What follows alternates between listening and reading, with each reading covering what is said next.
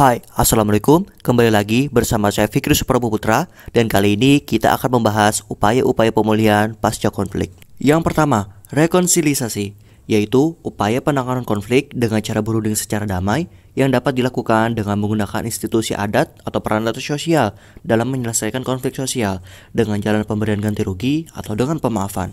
Next, rehabilitasi yaitu meliputi perbaikan dan pemulihan semua aspek masyarakat seperti pada kondisi sebelumnya.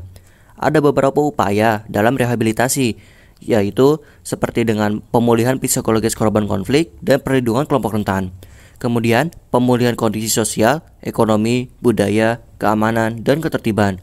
Kemudian bisa juga dengan penguatan relasi sosial yang adil untuk kesejahteraan masyarakat. Dan yang terakhir, ada upaya rekonstruksi, yaitu membangun kembali semua prasarana dan sarana serta kelembagaan pada wilayah konflik yang tentunya dilakukan oleh pemerintah dan pemerintah daerah.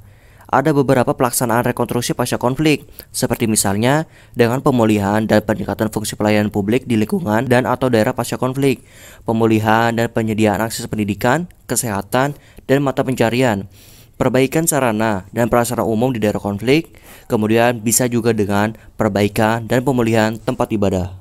Itulah penjelasan saya mengenai upaya-upaya pemulihan pasca konflik. Terima kasih. Wassalamualaikum warahmatullahi wabarakatuh.